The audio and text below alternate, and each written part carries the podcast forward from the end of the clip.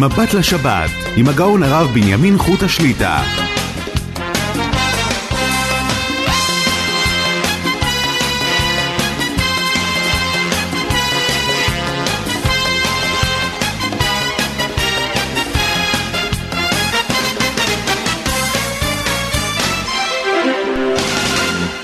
שלום וברכה, ברוך השם, נפגשים לשעתיים, מבט לשבת, ערב שבת קודש, פרשת ויקהל, שבת מברכין, ראש חודש אדר ב', אדר השני ביום חמישי וביום שישי.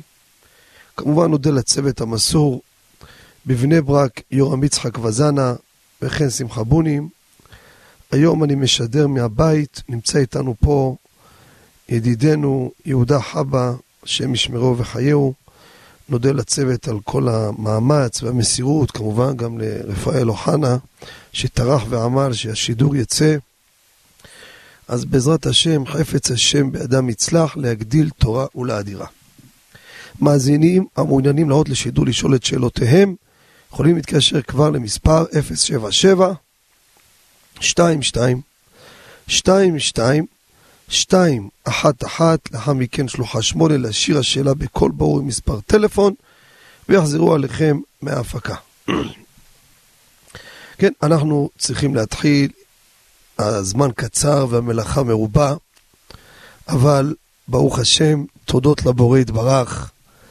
שבוע שעבר סיימנו את התוכנית שנקווה שעד שבוע הבא הציר הזה שדיברו בו ייכנס להילוך גבוה, וברוך השם, תודות לבורא יתברך, אנחנו נמצאים בציר עם הכרעה מאוד מאוד גדולה בדבר העיקרי שכולנו מצפים ומחכים, זה ביאת הגואל, ביאת המשיח בקרוב, כפי המקורות שניתן. וזה חשוב שאנחנו נדבר בעניין, כי יש אנשים שנכנסים לפחד. מה יהיה?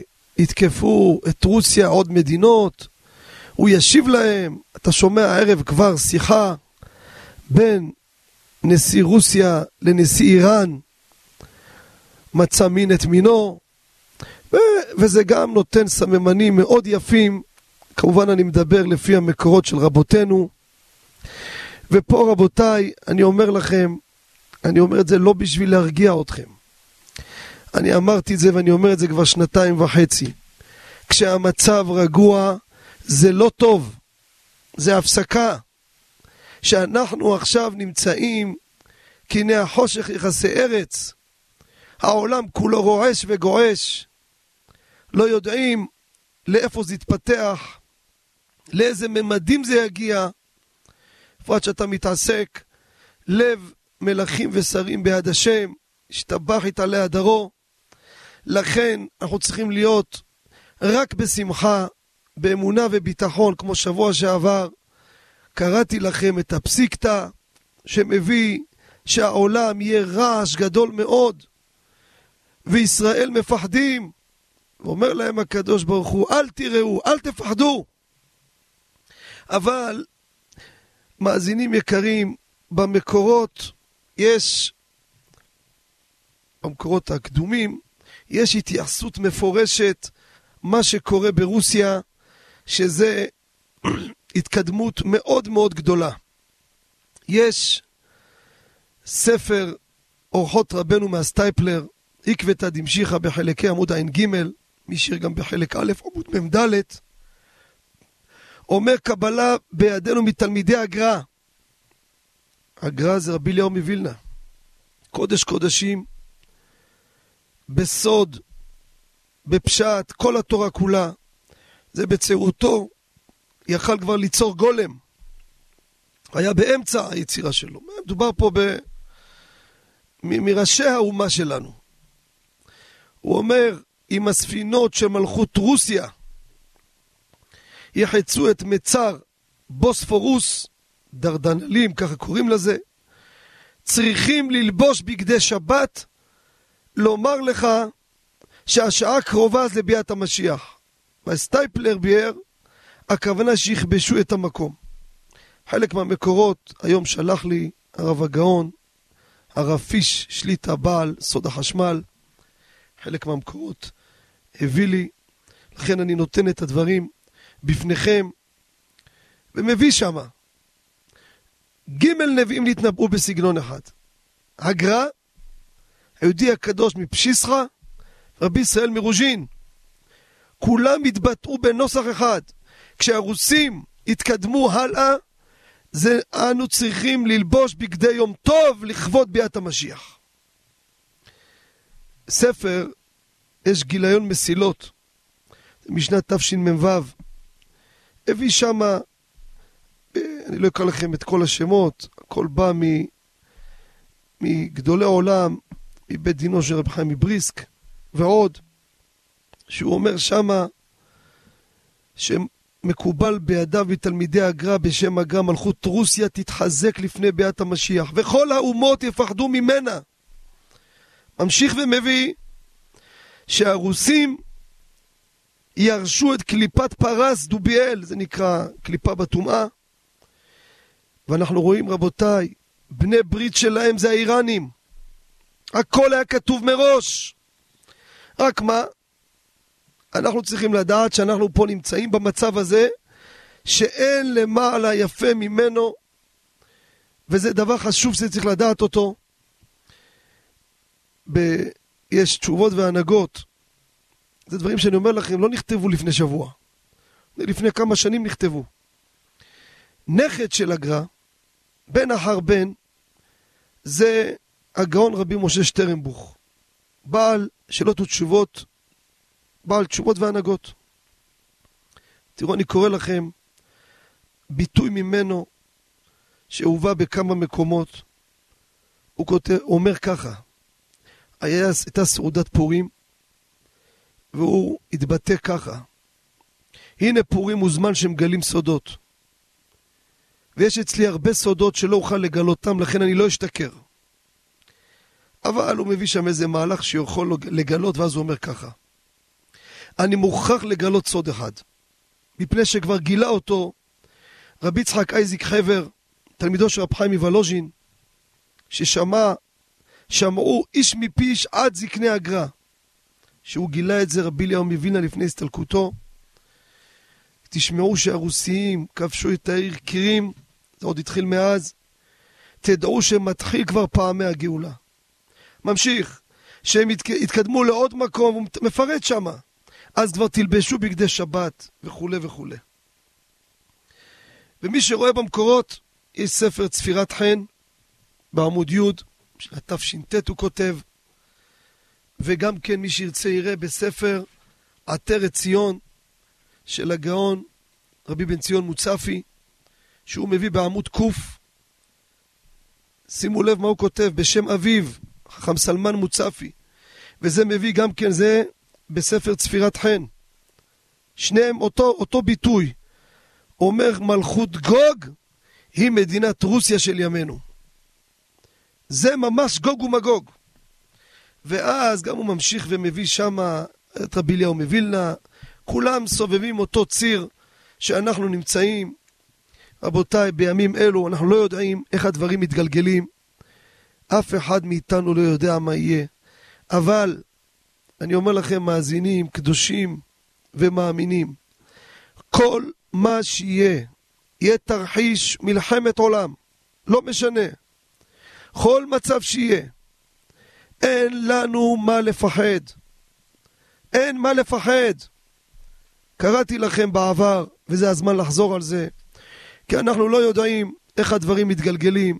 יכול להיות עניין של שעות, ויצטרפו עוד ועוד, וגם יקומו כל המנוולים מסביב, אם זה סוריה, שגם הם חברו לאיש משחית, ואם זה איראן, ולא סתם רבותינו אמרו, עם ישראל כבשה בת שבעים זאבים. הפסוק בירמיהו, פרק י"ז, אומר, ברוך הגבר אשר יפתח בהשם, והיה השם מבטחו, והיה כעץ שתול על מים, ועל יובל לשלח שורשיו, ולא ירא, יראה כי יבוא חום, ויעלהו רענן, ובשנת בצורת לא ידאג, ולא ימיש מעשות פרי. מה מסבירים המפרשים? תשמעו טוב. מי שבוטח בהשם, אומר, הוא דומה כעץ שתול על מים, אפילו כשיהיה חום בעולם, לא יחוש ממנו. אין לו מה לפחד, יש בצורת, חום. הוא לא מפחד, הוא כעץ שתול, כי על מים הוא שתול, ולא יוכל החום לייבשו, וגם עליהו יהיה רענן. ואפילו יש שנת בצורת, לא ידאג, ולא ימיש מעשות פרי. אומר, זה המשל, אומר זה שבוטח בהשם, אפילו בשעה ששר בני אדם בצרה, הוא יהיה בטוב. אין מה לפחד. אנחנו כבר נמצאים, רבותיי, בתהליך, בעומקו של תהליך. לא, לא חלמנו, אבל ידענו שמאיפה יבוא הכיוון הבא. לא יודעים, גם עדיין לא יודעים מה יהיה, אבל אנחנו רואים פה עולם הפוך ראיתי. זה התחיל בקורונה, העולם מושבת. חשבו נגמר, לא נגמר. עכשיו זה הלך לנישה אחרת, וכל זה רבותינו כתבו ואמרו, הכל פרט אחר פרט, אנחנו כבר שנתיים וחצי. כמעט כל שבוע מביאים את המקורות של רבותינו הקדושים והטהורים לפני 800 שנה, אלף שנה. כתבו את הכל שחור על גבי לבן, ואבותינו ורבותינו לא זכו להיות בתקופה הזו. אנחנו זוכים, התקופה לא פשוטה. אי אפשר לדעת איפה פנינו, איפה הולכים. אבל, רבותיי, אמונה וביטחון, בורא עולם הבורא יתברך הראה לנו בשנים האלו. הראה לנו שרק הוא מנהל את הכל. בכל צעד ושעל. ראינו דברים שאין להם שום הסבר והבנה. אם זה בקורונה, אם זה בגשמים בשפע של הבורא יתברך, אם זה מול אויבינו, אם זה מול אויבינו מבפנים. ערב רב שולט עלינו. זה גם תהליך שרבותינו אמרו. זה לא רק, לא, לא רק משהו מחוץ, זה אויבים מבית. ערב רב, וגם ערב רב עלה איתם. שנאה שלהם. מי ייתן לי תלמיד חכם אשכנו כחמור. שנאה יש להם, לא יאומן, איזה שונאים הם. טיפת רחמנות אין להם, שום מוסריות. ואנחנו נמשיך וממשיכים, לא ידגדגו לנו. לא הרעש מבחוץ ולא רעש מבפנים. וברוך השם, רואים כמה שהציבור ממשיך רגיל בעבודת הבורא. לא בכלל, אני תמיד חוזר על זה ואני אמשיך לחזור על זה, לסיקים בעיניהם ולצנינים בצידיהם. רואים את זה בכל מקום, בכל הבתי מדרשות, בתי כנסיות, בעלי בתים, תורה ותורה, כמה אמרו רבותינו שעל ידי התורה זה יהיה ההצלה בעקבתא דמשיחא בימים האלו של ביאת המשיח, שבכוח התורה כמה נזכה להחיש ולזרז ונזכה לגאולה. אתה רואה בכל מקום התרבות של תורה ויראה. ברוך השם, הכל ממשיך רגיל, לא משנה מה הם אומרים. ועכשיו שממשיך, נכנסנו להילוך אחר. רבותיי, זה ציר, זה חבל, זה חבלי משיח. אנחנו מתפללים לבורא יתברך, שכבר הציר הזה ייגמר, די. מאמינים. זה ציר לא פשוט. להבטיח ומישהו יודע שזה הסוף, מי יכול לדעת? מי יכול לדעת? חשבנו גם לפני שנתיים וחצי. אבל מה שטוב שאנחנו בתוך הצירים. זה מה שברור לכל הדעות. מה שחשבנו וציפינו לפני שנתיים ולא, אבל מצוין, זה המשיך. לא נגמר. העולם לא חזר לשגרה. העולם נהיה עוד יותר טוב עבור. עוד יותר, כי אני החושך יכסה ארץ. סטרא אחרא הטומאה משתוללת בממדים שלא היו מששת ימי בראשית. וזה רבותינו גם אמרו לנו. כמו המסכת סוכה אומרת לעתיד לבוא, הקדוש ברוך הוא ייקח את יצרה, ישחט אותו. מה קורה כל דבר שבסוף שלו לפני סופו?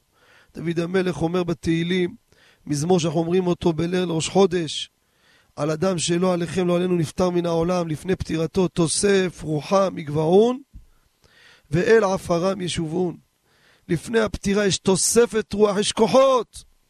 לפני השחיטה של יצר הרע, אז הוא משתולל בממדים שאי אפשר לתאר אותם. בכל החזיתות, בכל המישורים. בכל המישורים. תסתכלו את הטומאה הנוראית, תראו את דברים הכי הזויים, דברים הכי מאוסים שלא היית אדם מעז לא לומר אותם, לחשוב עליהם. הפכו את זה ללגיטימי. ומי שידבר נגד הוא המוזר. ולקחו את מבחר האנושות, אלו בני התורה שמחזיקים את כל הפלנטה, את כל כדור הארץ, גם אותם, השכם והערב, מואסים בהם. באברכים, תינוקות של בית רבן. זה כל זה רבותיי, זה הסוף שלהם. זה הסוף שלהם, זה הסוף של מלכות הרשעה. השתבח יתעלה הדרום, מתקיים מה שאנחנו אומרים בתפילה כל יום שלוש פעמים. מהרה תעקר ותשבר ותכלם ותכניעם במהרה בימינו. הנה בעולם מכלה אותם. ברוך השם. נכון, נכון, התהליך לא קל. לא קל. רבותיי, זה לא פשוט. אלו ששומעים תקשורת, אני מתאר לעצמי איזה פחד נכנסים. עוד לא יודעים מה יהיה, מאיפה יהיה, לאן יהיה, מי יודע. ויש לך על מי לסמוך בכלל. גם בטבע, אם פעם יכלת לסמוך על מי, על מי תסמך? על המוקיונים האלו שפה? אני לא, אפילו לא שווה להזכיר את שמם בכלל. הם אפשר לסמוך עליהם. חוכא ואיטלו לה. אבל זה איזה יופי לראות את המהלך. אם היה משאיר אנשים נורמליים בהנהגה פה, אז היה לנו קשה מאוד להסביר לאנשים ולהרגיש אין לנו על מי להישען על אבינו שבשמיים. היום שאתה רואה את כל הליצים האלו, לא מבינים מימינם לשמאלם בשום תחום, לא אני אומר. הם ביניהם, איך מדברים, איך המומחים צוחקים עליהם. אין להם הבנה בכלום. הם יחליטו מה יהיה ולא יהיה. סליחה. מה יהיה ולא יהיה, אז זה תופס לנו עוד רובד. אין לנו על מי להישען. אין על מי להישען. בתוך המהלך, בתוך הבלגן, עדיין, עדיין, לצערנו, היו אנשים מתוך המגזר שלנו, עד לפני שנה, המשיכו לפתוח. יש לנו את ביבי. ברוך השם, קודשה בריך הוא לקח אותו מפה. עכשיו, במי אתם בוטחים? זה סייעתא דשמיא של הבורא יתברך, שכבר אין הסתרה. עכשיו אין לנו על מי להישען, אלא רק על אבינו שבשמיים. אתם יכולים לפתוח במישהו? אפשר, אבל אתה רואה כבר כמה שנים של הנהגת הבורא יתברך. אין כבר את הבחינה הזאת של אנוכי אסתר אסתיר פניי. לא, לא, לא, לא הכל. אבל ברוך השם, ותרבי ותגדלי. וזה רבותיי, שאתה מסתכל ואתה רואה, יאר השם פניו אליך, הערת הבורא יתברך אלינו, בכל המישורים. לא ראיתי צדיק נעזב וזרעו מבקש לחם. לא חסר כלום. נכון, אני מודע לזה. בתוך עמי אנוכי יושבת. הערב רב, זה מה שהם עושים. לתת קשיים, אבל ברוך השם בן פורת יוסף, גם ישיבות שקיצצו, אתה נכנס ואתה רואה את צהלתם על פניהם. תיכנסו לכוללים, לא תראו אחד עם פנים שלו ברצפה. בכל מקום. אני אומר לכם, זה פשוט, אמרתי לכם, תצאו ותראו, תעשו סיבוב, תהנו מהחיים. זה הזמן לראות איך עולם היהדות, עולם התורה, נמצא ממש עובד את הבורא יתברך ללא שום אמצעי שאולי זה מה שגורם. לא, נטו רק התורה הקדושה. אתמול הוזמנתי אורח בישיבה המעתירה, ישיבת כיסא רחמים של הגאון האדיר מרן, ראש ישיבת כיסא רחמיר במיר מזוז שליטה. הזמינו אותי, תשמעו טוב, ישיבה גדולה, בחורי חמד. נמצאים בדור של תוהו ובוהו. והם ישבו וסיימו, ככה, במסגרת של חצי שעה בישיבה, סיימו בית יוסף עם משנה ברורה, שלוש וחצי שנים, הלכות שבת. עשו סיום, אתה צריך לראות איזה שמחה הייתה שם, איזה ריקודים. אגיד לכם, אפילו כוס פטל לא נתנו. אפילו כוס פטל, תגידו אולי היה אוכל, שתייה, לא, כלום! שמחתה של התורה. ואתה רואה את זה בכל אתר ואתר, אתה מסתובב בכל מקום, ואתה רואה כמה עם ישראל ממשיך. רצוננו לראות את מלכנו. קודשה בריחו אנחנו פותחים רק בך. כל עם ישראל יושב בציון, רק בך פותחים. ואל תיפלו ברוחכם שאתם רואים אולי מקומות. אנשים מנותקים. חבר'ה, לא לשכוח, הרבה גויים נמצאים פה, הרבה ערב רב, והם מקררים את האמבטיה. אבל הגחלת, אלו אלו שקודשה ברוך הוא בונה עליהם. למי יביא את המשיח? למי יבנה את ביתו? למי?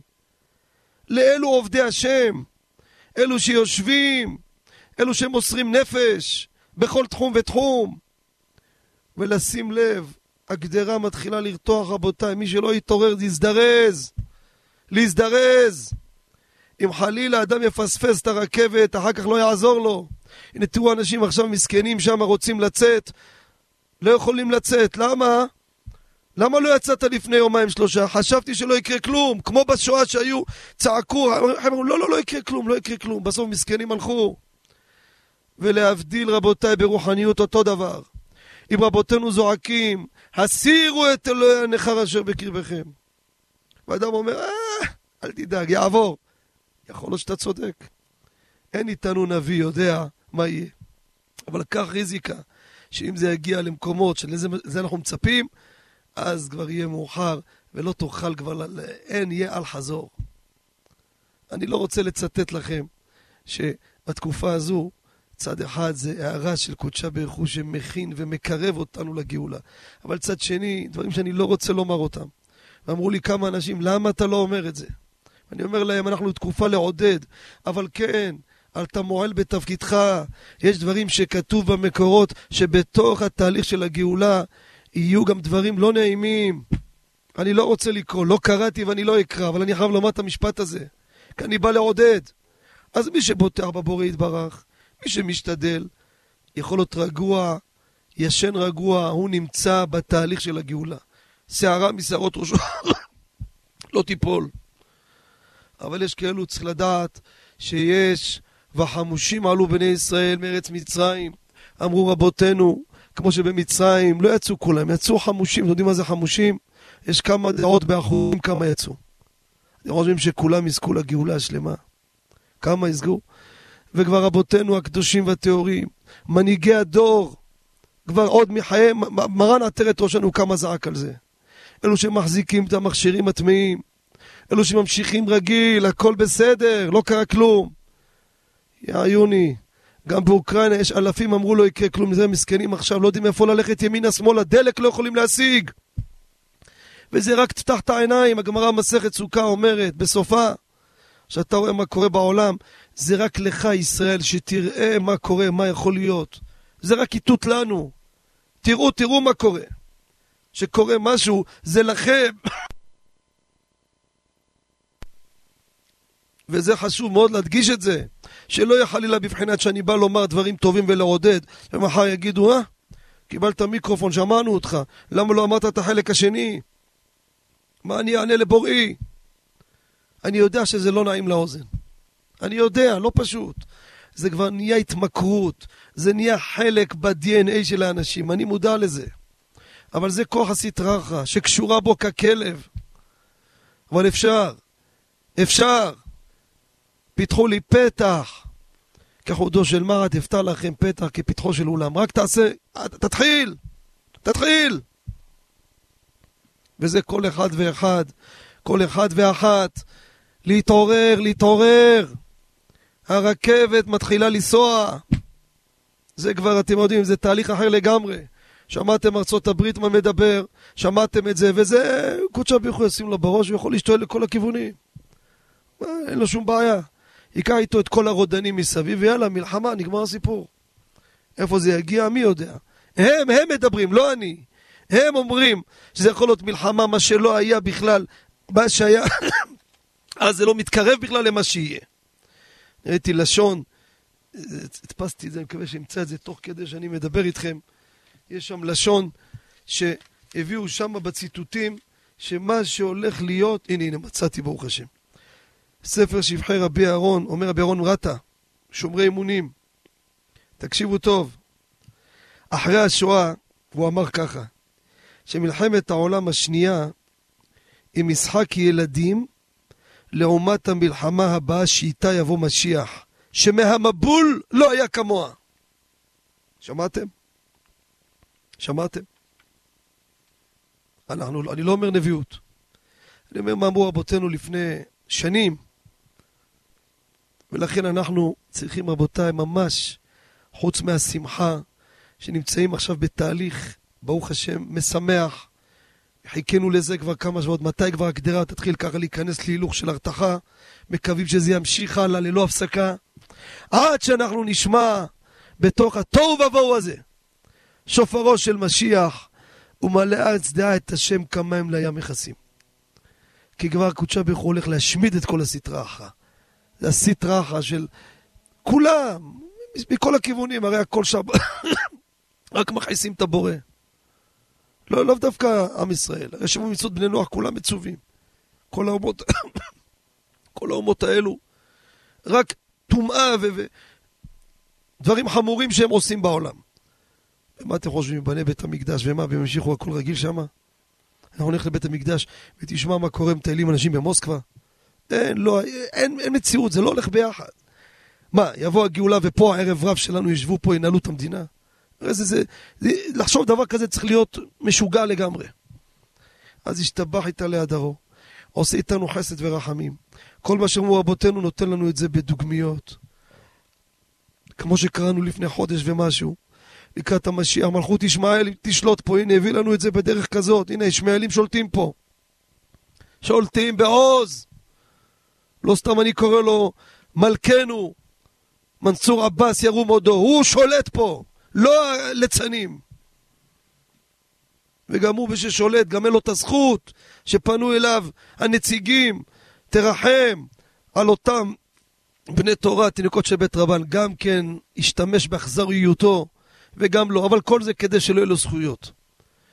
ביבוש כצירה תישברנה, הפסוק אומר.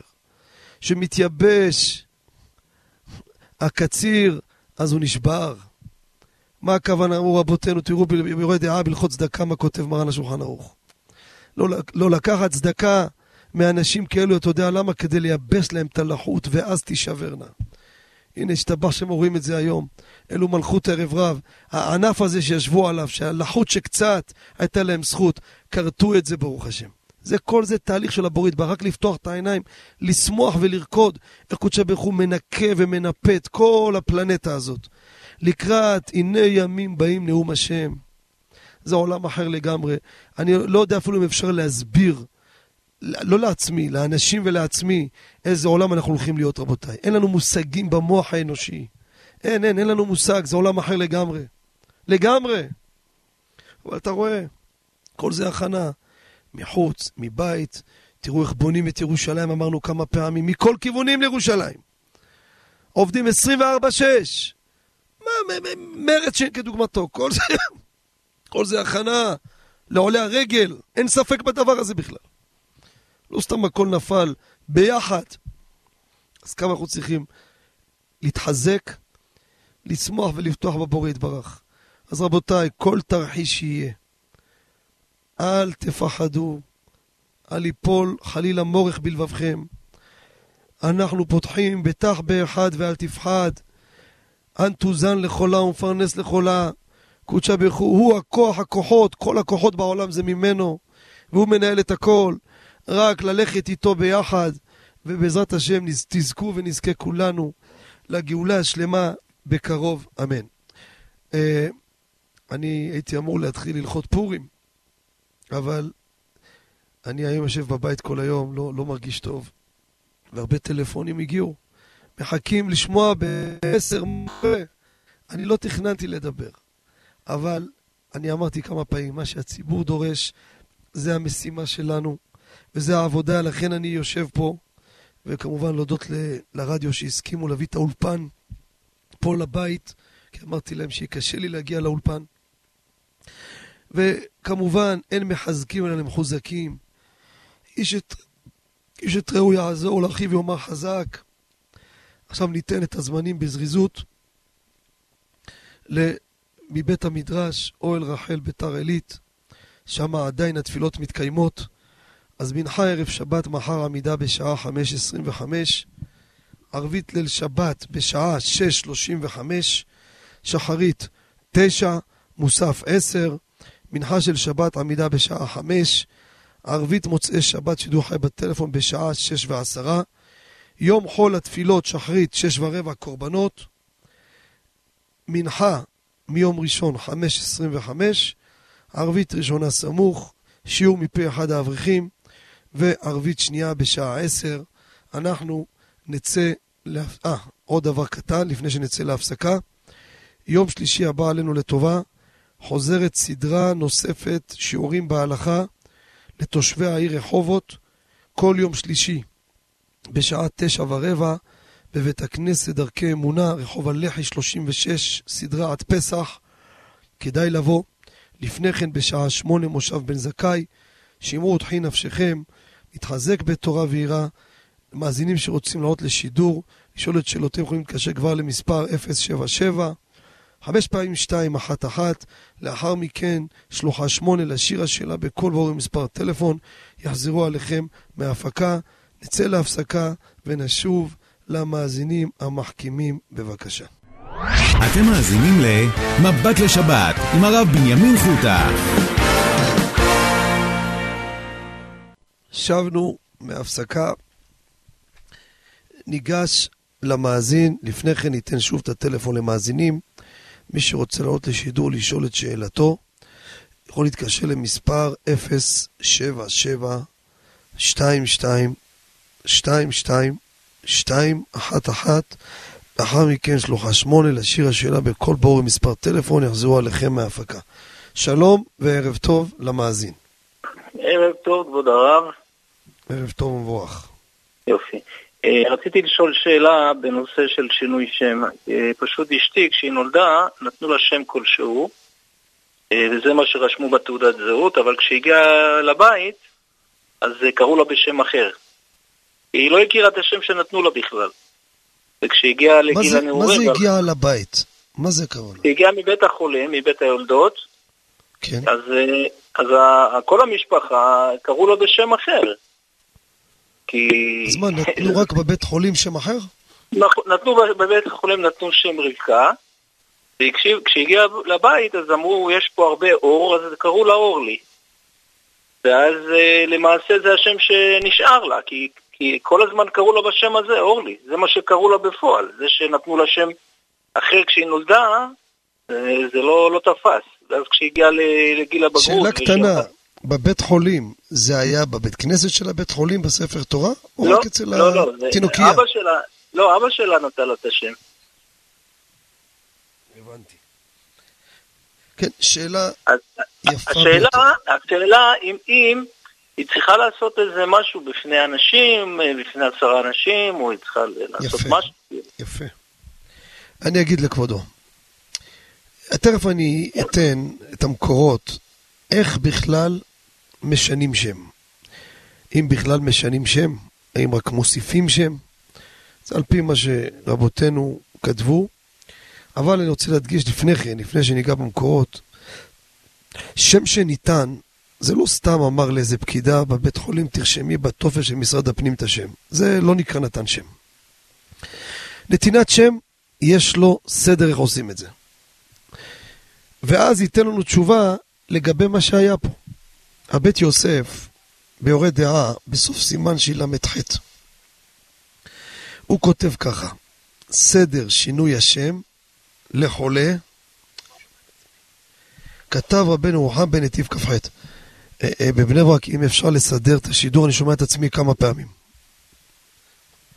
הלשון ברבנו רוחם ככה, באים עשרה בני אדם, ובקיא שבהם אוחז ספר התורה בידיו, ואומר, זה נקרא מצלעין. מצלעין אנחנו מתפללים, תובעים רחמים לפני הקדוש ברוך הוא. אני מתרגם את זה לעברית. עם הספר תורה הזה שכתוב בו 13 מידות, כמו שכתוב השם השם, כן רחום וחנון וכולי, ככה מביא רבנו רוחם. יש סדר איך עושים שינוי שם. הגשר החיים בפרק ראשון, שם סימן ג', סעיף ד' מביא, שמתפללים תהילים בעשרה, ואומרים יהי רצון י"ג מידות, ויש כותבים איזה תהילים, שימו לב, מזמורים כ', קל', קמ"ב. אבל היום, זה נקודה חשובה, זה מי שעושה אה, הוספת שם, שינוי שם, תכף נדבר האם משנים או מוסיפים. זה במקורות, זה הסדר הכי, זה הסדר הצריך שיהיה, זה לא סתם קוראים לבן אדם פתאום שם ונגמר. אבל המנהג היום, ככה השיב מרן רבי עובדיה, שאל אותו הגאון רבי יהודה נקי, שליטה בעל מעיין עומר, בחלק י"ב, עמוד קד. מרן הרב עובדיה אמר, וככה אנחנו עושים עד היום. מי שהיה בקורונה איתנו בגל ראשון, היינו כל שבוע נותנים שמות, היה גם שינוי השם, הוספות השם. אומר, יעלה לתורה, ואם זה אישה, היא לא עולה לתורה. אבל זה שעולה לתורה, עושה לה מי שברך. ומברך, אם מי שברך בתינו וכולי, אמותינו מברך את פלוני, ומעתה יהיה שמו, מה השם? השם הישן והנוסף. זה הוספת השם. במקרה של כבודו, השם שניתן לה, הראשון, זה לא נקרא שניתן לה. איך עושים שם לבת? בבית הכנסת. או שני וחמישי מיד אחרי הלידה, או בשבת, דיברנו על זה בעבר, יש לזה מנהגים לפה ולשם. צריך להיות בפני העשרה. זה נקרא נתינת שם. עכשיו, אם לא נתנו לה גם את השם השני, אז במקורות צריך לדעת את זה. סליחה, במקורות, גם מי שמבוגר, תשימו לב, אם לא עשו לו קידוש שהייתה בת, נולדה, אפילו מבוגר, ראוי מאוד רבותיי, עכשיו זה הרבה הרבה במקורות, אני לא רוצה להיכנס לזה כרגע, אבל זה חשוב שנדע את זה, שומעת אותי מאזינה, ותראה, ההורים שלי לא ידעו, נתנו שם ונגמר. לכי לבית כנסת, שייתנו לך שם, השם שלך. יברכו, לא צריך שהיא תהיה שם, שידעו שזה יהיה, לא נעים. לפעמים אפשר לעשות אפילו קידוש, ברכות, וזה דבר חשוב ביותר. עכשיו אני רוצה לומר דבר מאוד מאוד חשוב, תקשיבו רבותיי. יש היום תופעה שהרבה אנשים מחליפים את השם. מחליפים. יש לו שם, שם חילוני, חזר בתשובה, מחליף את השם לגמרי, עוקר את השם הראשון. ופה אני רוצה לומר לכם, מה דעתו של מרן רבי עובדיה. אני אומר מה דעתו של רבי עובדיה, אני מדבר כרגע בנקודה הזו לספרדים שהולכים על פיו. אני יודע שיש אחרים שלא מורים ככה, אבל אני מדבר איתכם מה כותב רבי עובדיה בהליכות עולם, חלק ז' עמוד השל"ב, מביא את רבנו אריזל. הפסוק אומר, וכל אשר יקרא לו האדם, נפש חיה הוא שמו. כותב ככה, נמצא, חיותו של האדם מקבל משורש אותיות שמו. תקשיבו מה כתוב. ואם יחליף שמו, יכול חלילה וחס להיות שהשם השני אינו שייך לחיותו, ויפסיק חיותו חס ושלום, יכול למות חס ושלום. רק להוסיף שם מותר, כמובן לצורך סיבות מיוחדות, הוא מביא דוגמה של חולה. הוספת שם, לא מחליפים שם. גם חולה, מוסיפים לו שם. שאנשים עקרו את השם שלהם. זה לא טוב. ולא רק לא טוב, יש בזה סכנה. כי יכול להיות שהשם החדש לא ישב על החיות שלו. כי השם שנתנו לו בהתחלה לא יקבל, וממילא חלילה יכול לפסוק את הצינור הזה. אז זה, ככה השתדלתי להקיף כמה שאפשר פרטים בסיפור של כבודו. התשובה מובנת? רגע, זה מעשה השם שניתן לה. אני חושב לא... השם שניתן לה בבית וקראו לה, זה השם העיקרי. השם רבקה זה לא שם שניתן לה, זה סתם היה נשמע ממך, סתם איזה פקידת עזר בבית חולים, אמרו לה תכתבי, אז זה לא, לא רציני, לא רציני. היא צריכה לעשות משהו? היא צריכה ללכת אה, כאילו ל... אם לא עשו לה בבית כנסת אז שקראו לה אורלי, אז תעשה לה עכשיו. תעשה לה עכשיו. זבד הבא תעשה לה. איך, ממש... בית כנסת, בית כנסת, אוקיי. לך שבת לבית כנסת, תגיד לחדד, תעשה בבקשה, תן שם. למי שברך, שנולדה בשעה טובה ומוצלחת, כאורלי, לא צריך לדעת מי זה. ומה נולדה? זאת כבר 40 כבר, 30, אני יודע, לא משנה, תן לה את השם. יש עניין, כמו שאמרנו, יש עניין בזה. בפרט, אם תאכל אפילו קצת ברכות, זה חשוב. יש לזה הרבה במקורות. אנשים שראו הרבה ישועות מכל מיני תקיעות למיניהם, שגדולי ישראל אמרו להם, האם לא עשיתם בלידה זבד הבת? זו נקודה חשובה. אוקיי, אז עכשיו, לכם... אז... כן. רגע, השאלה לפני שאני מסיים, אז עכשיו כאילו, אם על גביי שואל אותי מי נולד לך, מה נולד לך, אני לא חייב להגיד לא, לו. לא, לא, לא, תגיד לו זה עבור איזה מישהי. אוקיי. מישהי, מה אכפת לך? ואם אתה לא נעים לך, לך בכנסת אחר. הבנתי. זה חשוב שזה יהיה. אוקיי. שיהיה לכם במזל טוב ושבת שלום ומבורך. נעבור למאזין הבא, שלום וערב טוב. שלום וברכה. שלום עליכם. שלום. לא. שלום. עליכם. שלום לכם כבוד הרב. אה, הרב תודה רבה על הכל, ממש מחכימים ורפואה שלמה לרב. תודה, תודה. אה, שאלה קטנה בקשר למאזין הקודם, מה שדיברתם הרב, אם עשו לבת אה, בת מצווה, אז כן. אני גם כן פרסום השם? זה מספיק? תראה, צריך לתת שם.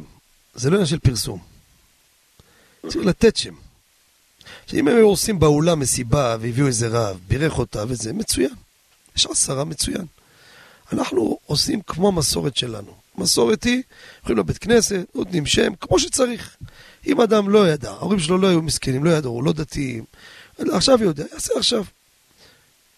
זהו. רצינו לשאול לגבי אה, נטילת ידיים של שחרית. כשאדם מגיע בבוקר, קם בבוקר, אז יש כמה טעמים ש... שכתוב שאנחנו נותנים ידיים בבוקר. אם זה בריאה חדשה, אם זה רוח רעה, אם, אם, אם זה ידיים עסקניות. העניין הוא, כשאדם קם בבוקר, הוא, הוא צריך להתפנות. עכשיו, כשהוא צריך להתפנות במצב כזה שהוא חייב לגעת במקומות המכוסים. זאת אומרת, חייב איתו ידיים, לנגב אותם, להתפנות, אחר כך הגענו ואנחנו עושים. מחילה מכבוד הרב שאני... אה,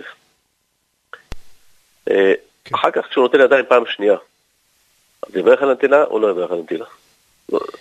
הרי הוא איבד את כל הטעמים. כל אני מדבר על אדם שהוא קם הרבה לפני זמן של שחרית. כן. זאת אומרת, הנטילה הזאת היא לא תהיה אחרונה לפני שחרית. תפילת שחרית, כן? לא הבנתי, מחילה. הוא קם מוקדם, נכנס לבית הוא קם הכיסא שטף מוקדם, ידיים? זה הרבה זמן לפני, לפני זמן תפילת שחרית. כלומר, כן. אין לו את הטעם של הראש שזה נטילה כן, כן. כך יהיה, הוא צריך, אחרי הנטילה הזאת, הוא צריך לנגב ידיים בשביל נכון. להתפנות, להתפנות. אבל בהתפנות הזאת זה לא קטנים, זה גדולים, והוא חייב לגעת במקומות המכוסים. אז ממילא הוא חייב לטול את הידיים. נכון. אחרי שהוא סיים להתפנות, עוד פעם צריך לטול ידיים. עכשיו, בנטילה הזאת, הוא יברך על נטילת ידיים של שחרית או לא יברך. או, ככה. שאלה חשובה, כבודו שואל. קודם כל צריכים לדעת שנטילת ידיים, נטילת ידיים שאדם עושה בבוקר, הוא קם כבר בבוקר, רק הוא חזר לישון. כמו שכבודו אמר בטוב טעם, הוא נטל ידיו, נכון נכנס לבית הכיסא. עכשיו, לגבי הברכה, צריכים לדעת שכל נטילת ידיים, כל נטילת ידיים, לכאורה בכל מצווה עובר לעשייתן. בנטילת ידיים של בוקר, אנחנו רואים שמותר לברך גם אחר כך. זאת אומרת, הפעולה שעשית היא לא אמורה ל- ל- לגרום שהפסדת את הברכה. ואם תיטול עוד פעם אחרי השירותים, לא קרה כלום. ולמה זה ככה? הרי כל מקום אתה נותן לזה סעודה, אתה לא מברך מיד, למה נטילת ידיים של בוקר, אנחנו יכולים לברך גם בבית הכנסת. אז הבית יוסף מביא את המרי אבואב. הוא אומר, כמו ששאר ברכות השחר מניחים אותם לבית כנסת, אז גם נטילת ידיים תתאחה עמהם. טעם נוסף מביא את העגור, בגלל שיש פעמים שצריך להוציא את עמי הארץ שלא מברכים, אף שמקום שאין עמי הארץ, לא חלקו חכמים. זה טעם שני. בית יוסף מביא טעם שלישי. טעם מעניין. אומר, יש טעם של נטילת ידיים בכלי, זה התקדשות לעבודה ככהן שמקדש ידיו. אנחנו הולכים עכשיו להתפלל, הולכים לעבוד את הבורא יתברך. לכן, ברכות השחר, שזה מתחילים את העבודה, מברכים, מודים לקדוש ברוך הוא. אז אומר אותם בבית כנסת, אז נגררת אחריהם גם ברכת הנטילה. למה? כי היא בשביל העבודה שזה ברכות, שזה ברכות השחר. כך מביא הבית יוסף על פי טעמו של הרשב"א. נמצאת למד מכל הנימוקים האלו. נטלת ידיים בבוקר, אם ברכת נטילת ידיים, גמרנו, יצאת ידי חובה. לא ברכת, לא גרע מכחד שנטל ידיים, ועד שהגיע לבית כנסת עבר חצי שעה, הוא אחר כך. לכן, לכן, אה, לא מעכב, אף שאתה הטיל, אה, היה בבית הכיסא, לא משנה מה עשה, ודאי לאחר מכן אה, יברך על נטילת ידיים. כמובן יכול ליטול ידיים שוב אחרי שהוא נטל אצלם בית הכיסא, הוא צריך ליטול ידיים, ואז יברך על נטילת ידיים. יישר כוח, ושיהיה לכם שבת שלום ומבורך. אנחנו מתקרבים לסיומה של השעה הראשונה. אה, נודה אה, לצוות, לפני כן אני טעיתי שאחד מהצוות, אנחנו מודים לו כל שבוע, שמחה בונים, אבל השבוע הזה אלי בנדר, רוצים להודות לו על כל הניהול וכל העבודה שהם עובדים בהפקה, בעריכה, כל אחד בשמו הטוב, במקצועיות שלו. אז אה, אנחנו ניתן שוב את הטלפון, בלי נדר שבוע הבא, אנחנו נצטרך, אני לא יודע מה יהיה עד שבוע הבא, גם שבוע שעבר אמרתי את זה. אני מקווה שנוכל להיכנס לשפונג של הלכות פורים, שבוע הבא כבר נאמר גם כן דין מחצית השקל.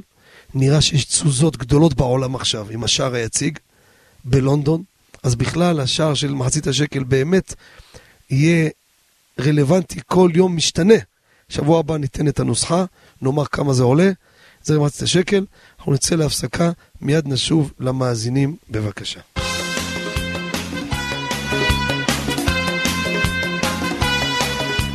מבט לשבת, עם הגאון הרב בנימין חוט השליטה.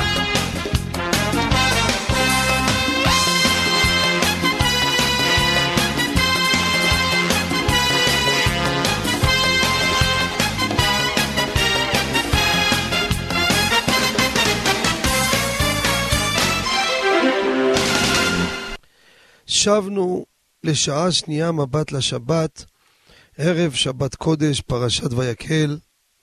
שבת מברכין, מכריזים על החודש, אדר השני, שיהיה בשעה טובה, בעזרת השם, ביום ראש חודש, ביום חמישי וביום שישי, שיהיה חודש טוב ומבורך לכל עמו בית ישראל בכל מקום שהם בעולם.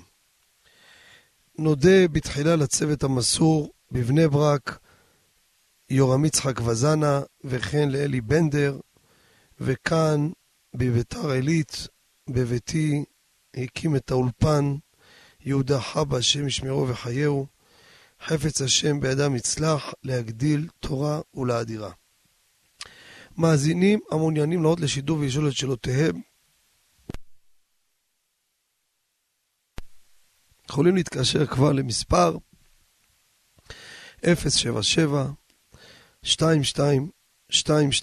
22 22 211, לאחר מכן שלוחה 8, לשיר השאלה בקול ברור מספר טלפון, ויחזרו עליכם מההפקה. אני חוזר שוב, 077 5 פעמים 2, 1 1, לאחר מכן שלוחה 8. להזכיר לציבור בשלוחה אחת, התפילות משודרות מבית המדרש אוהל רחל ביתר עילית, עדיין לאנשים שהם אנוסים, אנשים שהם מבודדים, חולים. כל יום שחרית בשעה שש ורבע קורבנות, מנחה חמש עשרים וחמש, ערבית ראשונה סמור, לאחר מכן שיעור, ערבית שנייה בשעה עשר בלילה בסיום, הכולל אברכים, שהציבור עצמו מחזיק את הכולל המסתיים בשעה עשר, מיד לאחר מכן תפילת ערבית. אה, שבת קודש הקרובה, זמני התפילות העמידות. מנחה ערב שבת בשעה חמש עשרים וחמש. ערבית ליל שבת, שש שלושים וחמש, שחרית תשע, מוסף עשר. מנחה של שבת בשעה חמש, עמידה כמובן, ערבית מוצאי שבת בשידור חי בטלפון לאחר אמירת המבדיל בין קודש לחול בשעה שש ועשרה, לאחר מכן חבורת הרשב"י ברוב עם, כל הקהילה עם האנשים שאיתנו בקווי הטלפון. לפני שניגש למאזין, אנחנו יש לנו את הפינה המיוחדת, במה למחברי ספרים בכל מכמני התורה. מי שמעוניין לפרסם את ספרו ללא תמורה, ללא, כס, ללא תשלום, יכול לשלוח שני עותקים של הספר שהוא רוצה שנפרסם אליי, לבנימין חוטה, רחוב קדושת לוי, 40 על 14 ביתר עילית, ואנחנו נפרסם מספר טלפון, והשבוע יש לנו כמה ספרים חשובים. ספר ראשון, נתיב יושר. הספר הזה מקיף ועוסק בהלכות מקח וממכר. עבודה מיוחדת. חיבר אותו הרב הגאון יהודה איתח שליטה מירושלים, עיר הקודש, דיין בבית הדין אהבת שלום. מי שרוצה לרכוש את הספר בטלפון 02 58 11 532 אני חוזר שוב 02 58 11 532 עוד ספר נוסף, מעדני התורה עצות והדרכה בעבודת השם. חיבר אותו הרב הגאון עובדיה עידן סעדה, שליטה, גר בבנימינה, מי שרוצה לרכוש בטלפון 050-41-40-424. אני חוזר שוב, 050-41-40-424. עוד ספר אחרון להיום, קונטרס, סיפורים עם מסרים. מאוד נהניתי, סיפורים יפים, לפי נושאים, עם מסר. באותו הרב הגאון בנימין טביב, שליטה מהעיר בני ברק, טלפון להזמנות 052 714 8598 אני חוזר שוב, 052 714 8598 אנחנו ניגשים למאזינים המחכימים והמיוחדים, בבקשה. שלום וערב טוב. ערב טוב. רציתי לשאול אה, אם מותר אה, לשחק בשבת בצינור שנפתח ונסגר? אה, יפה. שאלה יפה מאוד. זה המשחק שהילדים, הילדות, לאחרונה משחקים, אני רואה גם בבית, לוקחים צינור פלסטיק, שהוא בעצם אה, נמתח, חוזר, עושים אה, קיפולים. האם מותר לשחק בזה בשבת או לא? דבר ראשון, צריך לדעת, זה משחק כשאר כל המשחקים. כל משחקים בשבת, אמרנו בעבר, כל משחקים בשבת, מרן השולחן ערוך בהלכות מוקצה, סימן ש"ח סעיף מ"ה, מרן פוסק, אסור לשחוק בשבת ויום טוב בכדור. הרי מה כותב? יש מתירים ונהגו להקל. בית יוסף הביא שתי טעמים. גם משום שהמשחק הוא לא נקי ולא ראוי לצור על פי צלוחיתו, זה בית יוסף בשם שיבולי הלקט. טעם שני, טור שמעון, שחרב בגלל ששיחקו בכדור בשבת. ומבואר ברבותינו הפוסקים, כדור זה לאו דווקא, גם שאר משחקים. אלא, ילדים, פחות מגיל מצוות. בנים, פחות מ-13 ויום. בנות, פחות מ-12 ויום. להם מותר לשחק במשחקים בשבת. כך כתב בחזון עובדיה, שבת ג' עמוד צדיק ט', גם באור לציון חלק ב' עמוד רשת ז', ומדוע? כלל, כל דבר שהערימה התיר אותו ומרן אסר, מותר לקטן. לקטן מתירים את הדבר הזה. לגדולים זה אסור. הצינור הזה הוא כשאר כל המשחקים. לכן מותר בשבת לשחק איתו, כל עוד שהבן או הבת פחות מגיל מצוות שהם נחשבים לגדולים, מותרים לשחק במשחקים האלו בשבת. יישר כוח על השאלה האקטואלית והמעשית בימים אלו. שיהיה לכם, כן. האם מותר כאילו בסעודה שנייה בשבת לקפל מפיונים בכל מיני צורות? אז אני אענה בקצרה. יש תשובה של מרן רבי עובדיה. תראו בכיבוש שבת, אני לא הספקתי לפתוח את המקורות, כי אני אמרתי לכם כבר כמה פעמים להשאיר את השאלה לפני כן, אבל כל שבוע יש אנשים מתחכמים ומביאים שאלות אחרות, אז אני אתן תשובה, ואנשים לא ידעו מקור. זה, זה מה שזה גורם. אז מפיונים, יש בפוסקים דעות שמפיון אסור לעשות אותו בצורות מיוחדות. אבל יש תשובה של מרן הרב עובדיה לאחד הנכדים בספר מעשה שבת, ששם הוא כותב לו, כיוון שזה הולך לכילוי, לכלוך, אין בזה בעיה בשבת, ולכן לדעת מרן הרב עובדיה מותר לעשות את הקיפולים האלו בניירות לצורך הסעודה כמובן, לא לצורך סתם משחק ליופי שמשאירים את זה הרבה זמן, ואין בזה בעיה. שיהיה לכם שבת שלום ומבורך. נעבור למאזין הבא. שלום וערב טוב. שלום, רציתי לשאול שאלה. בבקשה. אה, ידוע שולחן ערוך, כשיש חובה לטול ידיים כשאוכלים מאכל הרטוב. אך אה, לא מברכים מפני הספק שיש בדבר, שזה מחלוקת הראשונים. עכשיו, אה, אם אנחנו דנים שיש כאן אה, מצווה ליטול ידיים, השאלה היא, האם עדיף לקיים את המצווה בלי ברכה, כיוון או שהוא פוסק אה, מה זה קבל, או שיש עדיפות לנגב את הפרי כדי שלא לקיים את המצווה בלי ברכה.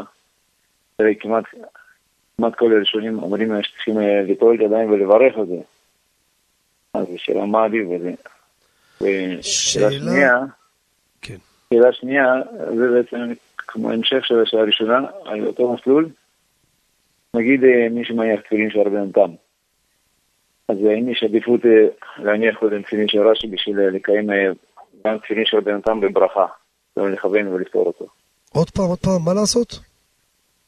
לפני שאתה מניח רבי נתם, בלי ברכה, כמו שכולם עושים, תניח קודם כל רש"י, תברך על רש"י.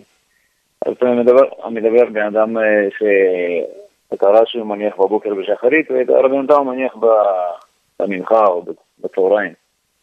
אז, אה, אז הוא מניח רבי יונתם בלי שום ברכה. אז הוא מקיים מצווה בלי שום ברכה. אז אולי כדאי להניח אה, לדקה אחת תפילין של רש"י עם ברכה, ואחר כך רבי יונתם. שאלות יפות ביותר. אני אתמצת את הדברים. אז הנה נכבד שואל, יש לנו פרי רטוב. כידוע לכולם, כל פרי שהוא, יש עליו נוזל אחד משבעה משקים, שראשי תיבות שלהם יד, שחט, דם, זה או יין או דבש, או שמן או חלב או טל, או דם או מים. לא ניכנס לכל הפרטים. וצריך ליטול ידיים. יש מחלוקת עם ברכה או לא, הלכה למעשה נוטלים בלי ברכה. או מנגבים את הפרי. זה נכבד שואל, הרי אם אתה נכנס פה לספק בגלל הברכה, אולי יש עדיפות בכלל לנגב אותו. מאידך מצד שני, אולי הניגוב זה לברוח מהבעיה, אולי עדיף הפוך, ליטול ידיים. כלל ברזל בידינו, שנכון שברכות לא מעכבות. כידוע, ברכות לא מעכבות. מעשה מצווה הוא בדרך כלל, הוא הולך עם הברכה ברור, אבל הוא נפרד מהברכה. מה כוונתי? גם אם אין ברכה, יש מעשה מצווה גמור לכל דבר. כמובן, לכתחילה, אנחנו מברכים באופן שחייבים לברך. זה כלל לכל מקום, וזה גם יענה על התפילין גם כן. פה, בדבר שטיבולו במשקה, לכאורה השאלה היא לפני החקירה של כבודו, מה עדיף לאדם לעשות? יש תשובה של הרב ווזנר, שבט הלוי, חלק י' סימן ט"ו עוד ג', הוא כותב דבר פשוט, שגם מותר לנגבו לכתחילה. מי שראה גם שבט הקהתי, חלק ב' סימן ע"ה, גם כן פשטות, גם נוקט ככה. הניגוב הוא לכתחילה. זאת אומרת, נכון היה מקום לומר, הפוך, תקיים את המצווה, תול ידיים. הניגוב הוא גם חלק מההלכה, שהוא מקיים את ההלכה, שהוא לא מביא פה דבר מכשיר אותו לטומאה. זאת אומרת, אדם רשאי לכתחילה לנגב אותו. מה העדיפות? מה שאדם מעדיף. מה שמעדיף. נכון שיש לנו ספק ולכן לא מברכים, אז כרגע ההלכה שלא מברכים. אותו דבר לגבי התפילין. תפילין פחות לא מעכבות. במחרת הספק לא מברכים על רבנו תם. אז מה העניין לברך על משהו אחר? הרי מעשה מצווה יש לך. יש לך מעשה מצווה. ונפסק שאתה לא מברך. להיכנס למצב שאתה מברך על משהו כדי להרוויח את זה, אז זה להרוויח עוד ברכה. לא קשור לזה, אתה יכול לברך על כל דבר שאתה מברך. לכן נראה שלא ראינו שמקפידים על זה, מפאת הסיבה הזו. יישר כוח, שיהיה לכם שבת שלום ומבורך. נעבור למאזין הבא, שלום וערב טוב. ערב טוב. ערב טוב ומבורך. אה, הרב, רצינו להגיד תודה רבה לשיעורים, הרב מחזק אותנו. תודה רבה. מחכימים, תודה רבה. הרב, אה, בבקשה, אם אפשר לשאול, לגבי עניין איסור הקפת הראש, שידוע שזה איפה שהמפרשים עד האוזן מלמטה. השאלה שלי היא כמה, כמה השיעור שאסור להוריד כאילו בגודל, כאילו עד איזה שיעור צריך להשאיר, נגיד מישהו רוצה לעשות את המינימום, כדי לא לעבור על איסורים. שאלה יפה מאוד כבודו שואל, ואנחנו ניגע בזה כרגע. סליחה. מאזין הנכבד שואל, כידוע יש לנו איסור, לא תקיפו פאת ראשכם. לא ניכנס עכשיו לכל הסוגיה, מה זה הפאות, פאות הזקן. הוא שואל המאזין, מהו שיעור השערה, שזה המינימום שצריך להשאיר שאדם רוצה להוריד מהפאות שלו. הפאות, לגבי לא תקיפו פאת ראשכם. אני לא מדבר עכשיו על פאת הזקן, שזה, שזה דין של אה, לא תשחית פאת זקניך, מדברים על הפאות, ששמה, מה השיעור? מרן כותב יורה דעה, סימן קפ"א, סעיף ג'. מרן כותב בסתם, אינו חייב אלא בתער. ויש אוסרים במספריים כעין תער. מרן כותב בסתם, החיוב רק בתער. חיוב. זה גם כן עכשיו יש לדון מה זה חיוב, אבל אם זה לא ככה זה נהפך למותר. זה... יש אוסרים במספריים כעין תער ויש לחוש לדבריהם. מרן כותב יש לחוש לדבריהם, שגם במספריים כעין תער, שנשאר משהו יש לחוש. הביאור הלכה, חפץ חיים, בדיני ערב שבת, סימן רנ"א, הוא כותב ככה, אני קורא ציטוט מתוך הקטע שהוא כותב שם. בעוונות הרבים מצוי שמעבירים את הפאות עד סמוך לבשרה ממש. ואין משיירים כלל, ויש בזה חשש דאורייתא, והיה להם להישאר על כל פנים קצת מן הקצת. לך כותב פה, ככה בפשטות, כמו מי שרואה את מרן, לפחות יש כיוון כזה, שמרן כותב רק לחוש לדבריהם, בעיקר הדין האיסור הוא חיוב רק בתער, אומר להשאיר קצת. אבל יש פה חשש דאורייתא, אתם שיטת הראש, תוספות, רבנו ירוחם, כל זה בית יוסף הביא שמה בקפ"א. הם נוקטים מספריים כעין תער, גם כן אסור. וכמה צריך להשאיר? שיעור כדי לחוף ראשו לעיקרו. מי שיראה בשו"ת תורה לשמה, סימן שפט, הוא כותב, השיעור הוא לחוף ראשן לעיקרן. ואיפה הוא לומד את זה? מהרמב"ם בהלכות טומאת צרעת, פרק ח' הלכה ו'.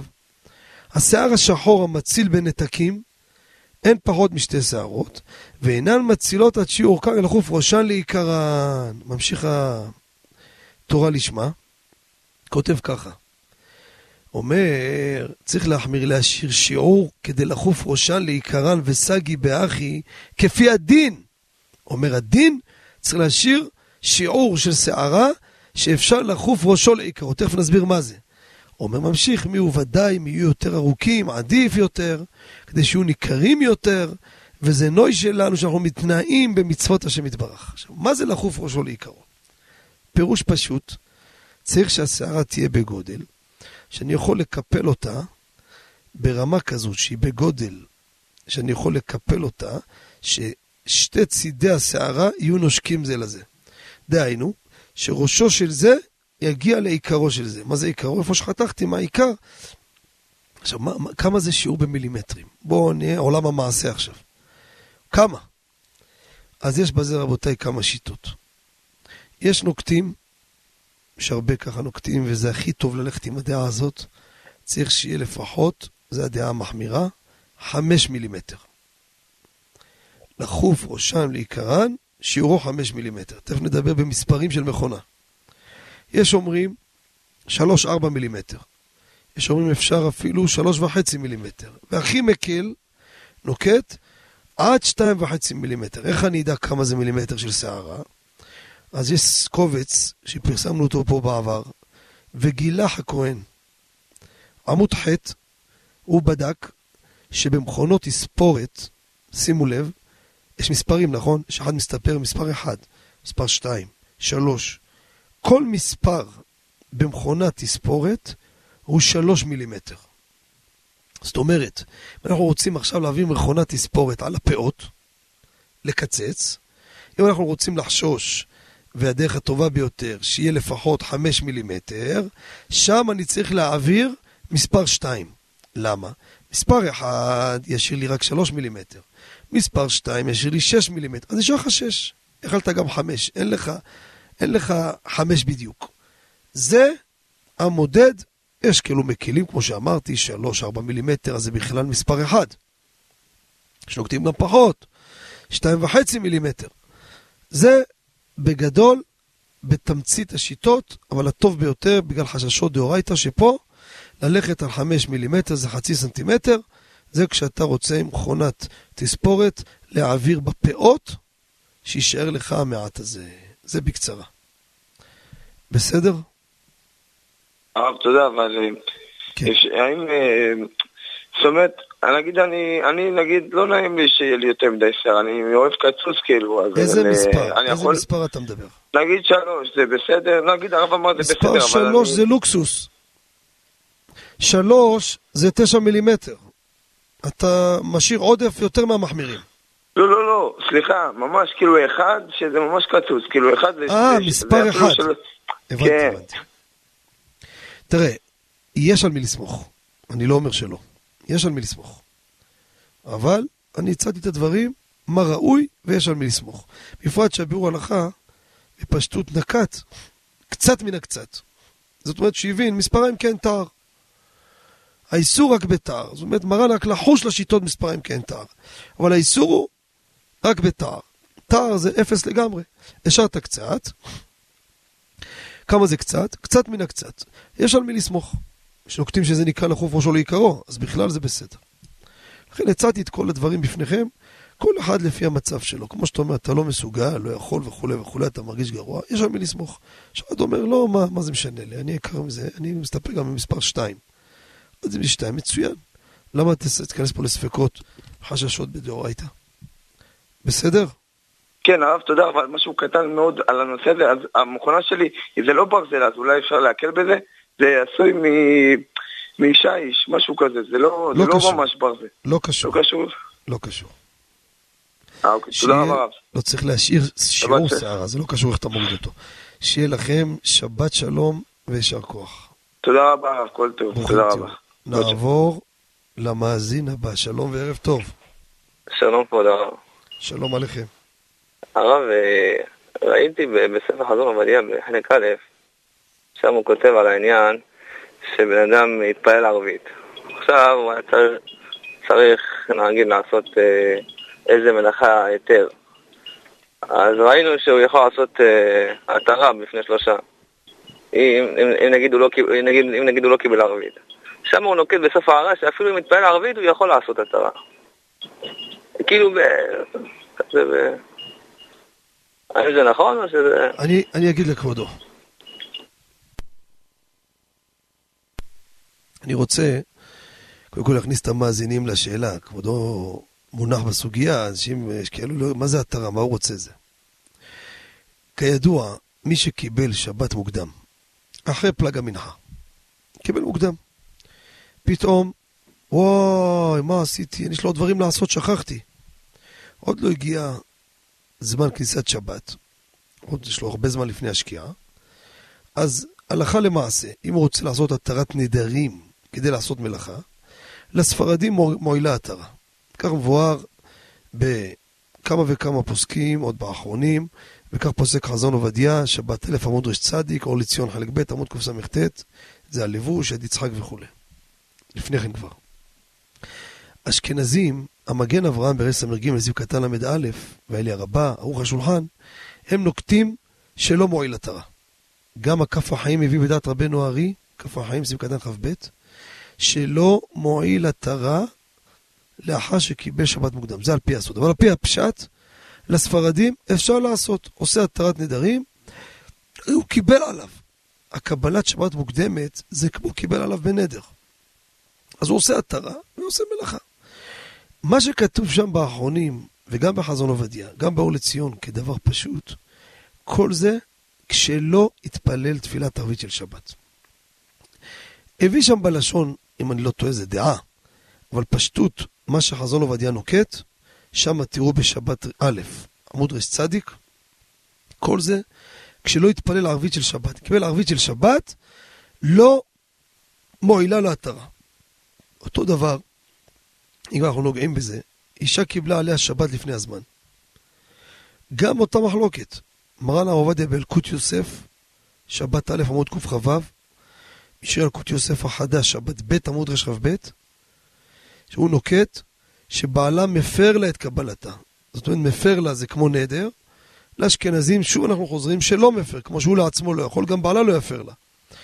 אבל כל זה שלא הייתה תפילת ערבית של שבת. אם הייתה תפילת ערבית של שבת, אי אפשר לעשות התרה כדי להתיר מלאכה בשבת. ככה בפשטות, זה מה שככה אני הבנתי, וזה מה שכתבנו גם כן בקיבו שבת, בשאלה המעניינת הזו.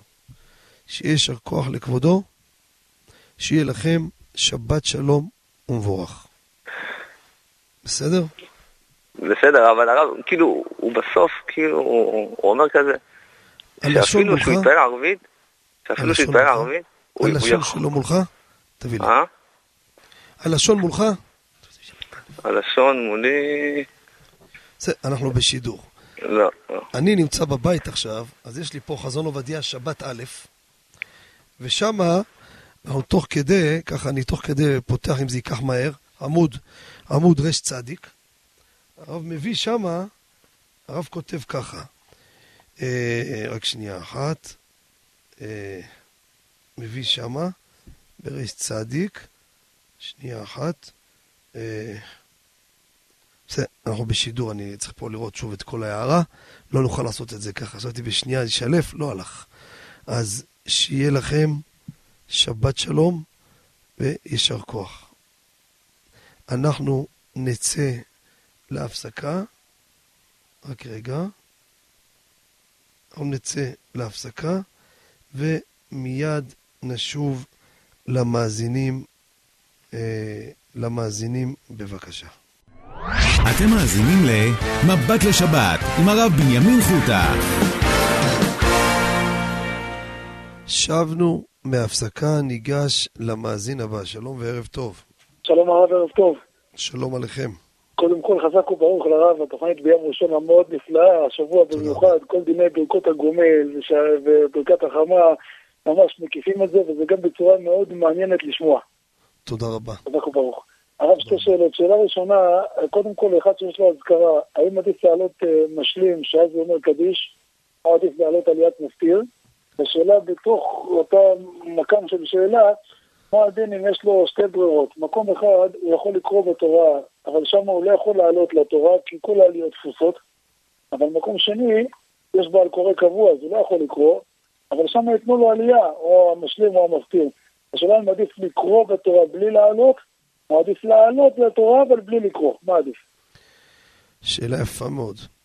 שאלה ראשונה, אדם שיש לו אזכרה, מה עדיף שיקנה שבת לפני האזכרה לעילוי נשמת קרובו?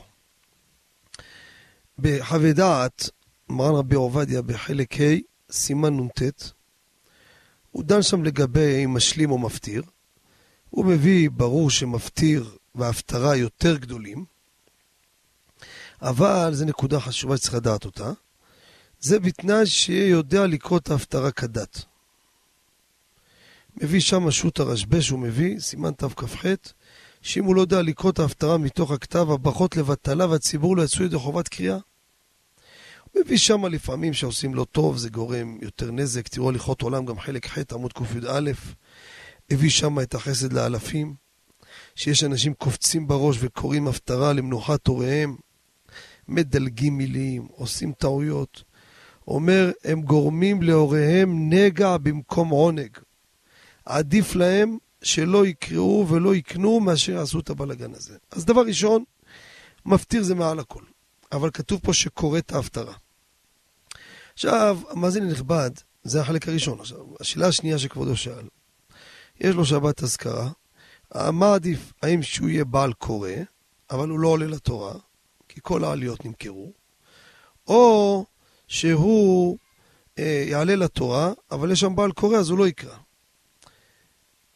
לעניות דעתי נראה, כמובן אנחנו מדברים עכשיו בלי הפטרה, כן? דיברנו עכשיו, מי שכבר קונה עלייה לתורה.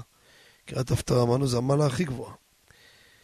נראה לכאורה שלברך זה העיקר. שהוא עולה לתורה.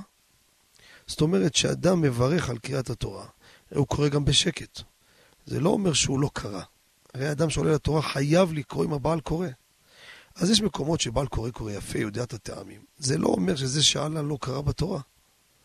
הברכה על העלייה הוא העולה לתורה. הרי יש סדר עליות. על פי הסוד, שישי זה הכי גבוה. על פי הפשט, שלישי. זאת אומרת, מה זה? עליות. זאת אומרת, העולה. מי זה העולה? זה שעולה ומברך על התורה. אבל אם למשל, לדוגמה, זה שעכשיו יש לו מקום שאומרים לו לקרוא, הוא קורא להם בתורה. אבל עלייה הוא לא יקבל. יש לו אותו שבוע אזכרה, הוא אומר, מה אני אקרא להם? אני לא עולה לתורה. מקום אחר אני אלך, יקנה עלייה ויגמור את הסיפור. אם זה נושא של זיכוי הרבים, מה כוונתי?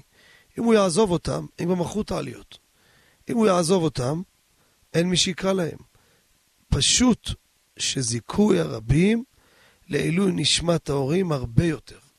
ולכן במקרה כזה, שיקרא שם אפילו שהוא לא עולה. כדאי שיבקש מהם, מוסיף. מן הסתם, כמעט בטוח שייתנו לו, שייתנו לו בזריזות שיעשה מוסיף, ואז יוצא שגם הוא בירך על התורה. ככה נראה לעניות דעתי, בחלוקת הדרגות לפי מה שכבודו שאל. יישר כוח, שיהיה לכם שבת שלום ומבורך. שבת שלום הרב, חזק וברוך, תודה רבה. תודה רבה לכם, תודה רבה, כל טוב. נעבור למאזין הבא, שלום וערב טוב. שלום כבוד, סליחה, שלום כבוד הרב, תודה רבה, יישר כוח ורפואה שלמה. אמן, תודה. רבה. אה, בבקשה, רציתי לשאול את הרב. בבוקר, אה, במהלך התפילה בשחרית, אני מברכת שהכל, ואחר כך אני מכינה, אה, ממשיכה עוד לשתות. לא כוס, אני מכינה, במשך הבוקר. אני יכולה עם אותה ברכה, לש... כאילו, כמה זמן מותר מברכה אחת לשנייה. יפה. כמה זמן שיעבור. כן. זו שאלה ראשונה. גם לגבי מזונות. ושאלה שנייה, בבקשה, אה, לגבי השם שהרב אמר, אה, אני נולדתי במרוקו, ואבא שלי אמר שהוא רוצה, טוב, הוא קורא לי על שם אשתו של רבי מאיר בעל הנס. כן. ברוריה. אבל אני גדלתי כבלוריה, במרוקו. כן. ושאלתי את אה, בת דודתי, והיא אמרה שפשוט במרוקו היה קשה להם להגיד את הרש בברוריה, אז הם אמרו בלוריה. אז אה, שיני, כאילו, חזרתי לברוריה. זאת אומרת, בילדות, בגן, בבית ספר, בתיכון, הכל בלוריה. הייתי, מה שמך בלוריה? וחזרת לברוריה. כן. יפה. אז נתנו לך שם ברוריה. הציבור קרא לך בלוריה, זה השם נוסף. תאר לעצמי שבכתובה, בכתובה שבחופה שלך, אה, רשמו ברוריה בלוריה, אני מאמין, נכון? לא, לא, לא, לא, שזכור לי, אני צריכה להסתכל. מעניין, כדאי להסתכל. אבא, אבא, איך. כתובה, בלוריה או ברוריה? בסדר, לא משנה. לא, לא זוכר, טוב. איך לזכור? אה, בסדר. על כל מקרה, אז בואו ניגע בשאלות. אז ככה, לגבי השאלה השנייה, אין שום בעיה. את קוראת לעצמך בוריה, כי באמת קראו לך בוריה, והבלוריה זה שם שנכנס, כמו שאמרת, זה היה המנטליות וזה מה שקראו. אז בסדר גמור, אין שום בעיה. שתי השמות הם שמות אה, קיימים, וזה בסדר גמור. לא, לא, רואה פה, לא רואים פה בעיה. עכשיו לגבי השאלה הראשונה. שאלה חשובה ביותר, האם תפילה עושה הפסק בברכות הנהנים? לאו דווקא הגברת בסיפור שלה, שהיא בירכה בבוקר על הכוס תה, ואחרי התפילה היא ממשיכה לשתות. גם אנחנו בבתי הכנסיות עושים ברכות להזכרה לפני ערבית, מסתובבים. אחרי ערבית, אדם רוצה להמשיך לטעום מהברכות. צריך לברך עוד פעם או לא? אז בקצרה, בעבר דיברנו בזה. תפילה, כך מבואר בכף החיים, תפילה זה לא... סליחה. תפילה זה לא הפסק בברכת הנהנים. זאת אומרת, נכון שהיה פה עמידה וקריאת שמע וברכותיה ולא יכלת לאכול ולשתות, מה שממשיך, שלא שינה רשות, לא יצא החוצה, אחרי התפילה ממשיכים, הכל נזקף לאותה ברכה. עד מתי הברכה תופסת? זה מה שהשאלה של המאזינה. ברכות הנהנים, שהכל, מזונות, עץ, אדמה. הברכה הזאת תופסת אפילו יום שלם כל עוד שלא יצאת מחוץ לרשות שאת נמצאת שם. ברכה ראשונה תופסת.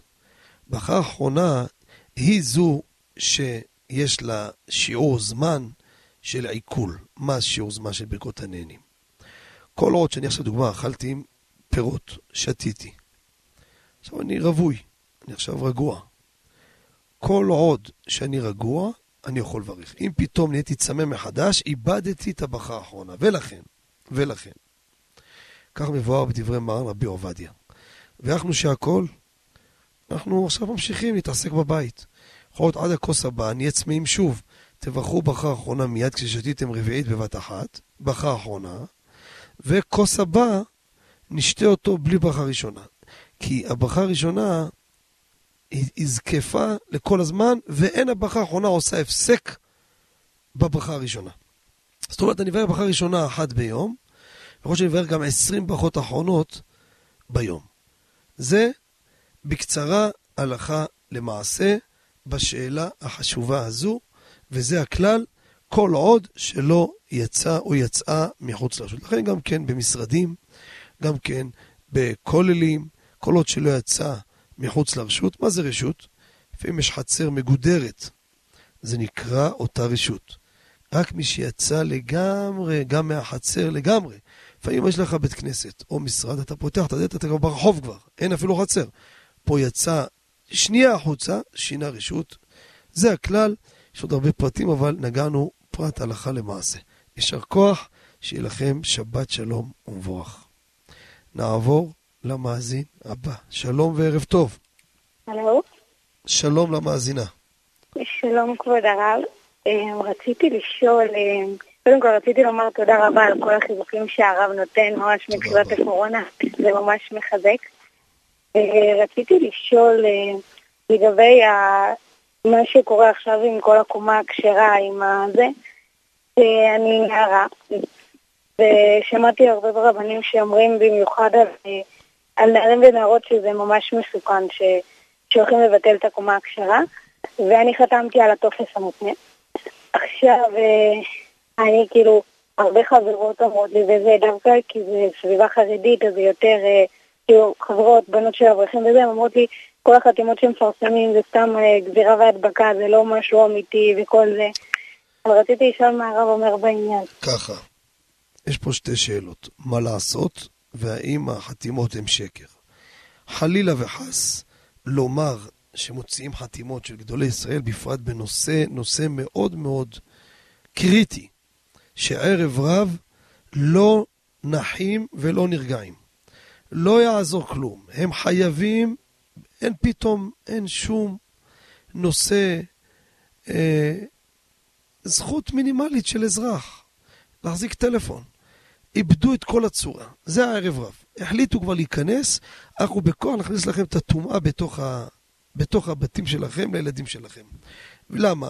הם רוצים שנהיה כמוהם שהם ככל העמים. בא הרבנים אמרו שאנחנו צריכים להיות ערוכים שאם חלילה וחס זה מה שיהיה, אנחנו נצטרך לוותר על הפלאפון. אני גם צעקתי פה לפני כמה שבועות, אם נגיע לשם וזה מה שגדולי ישראל יראו, נוותר על הפלאפון. אבל, שבוע האחרון קיבלתי מסמך שקשור לוועדה הזו, שהם מפרסמים כבר שתי פתרונות על הכוונת, שהם הולכים בעצם לעשות את זה. ופה אנחנו ניכנס פה, בעזרת השם, אם נגיע לשם, ניכנס לדיון לא פשוט איך להתייחס לדבר הזה. הם מעלים רעיון שאדם שיש לו מספר, הוא לא צריך לוותר עליו, הוא לא יוותר עליו, יישאר לו המספר.